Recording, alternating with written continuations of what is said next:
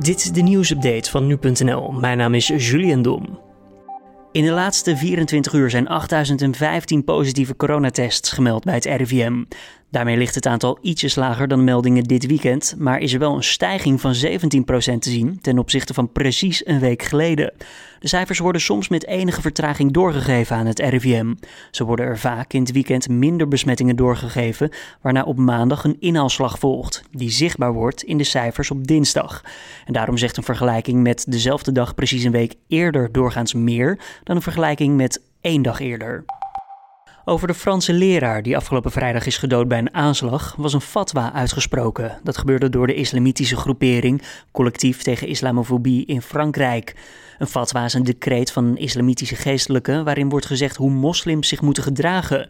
Het kan gaan om een verbod, maar ook om een oproep tot iemand te doden.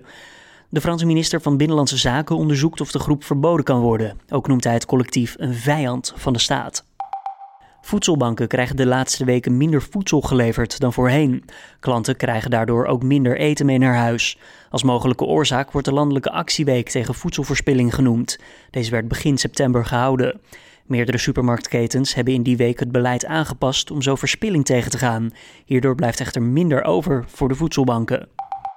Woningen krijgen vanaf volgend jaar een funderingslabel als ze getaxeerd worden. Dat meldt het programma De Monitor van KRO NCRV. Met dat label moet de koper inzicht krijgen op het risico dat de woning verzakt. Volgens de monitor maken zo'n 250.000 huizen in Nederland kans om in de hoogste risicogroep te worden ingedeeld. Kosten om de fundering te herstellen zijn voor de eigenaar en kunnen soms in de tonnen lopen. Verdachten van een misdrijf in Noord-Korea worden stelselmatig gemarteld en vernederd, dat schrijft Human Rights Watch.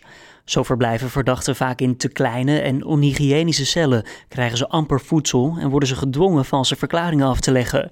Slechts met geld of goede connecties kan iemand onder deze vormen van vernedering uitkomen. En dit was dan weer de nieuwsupdate van nu.nl.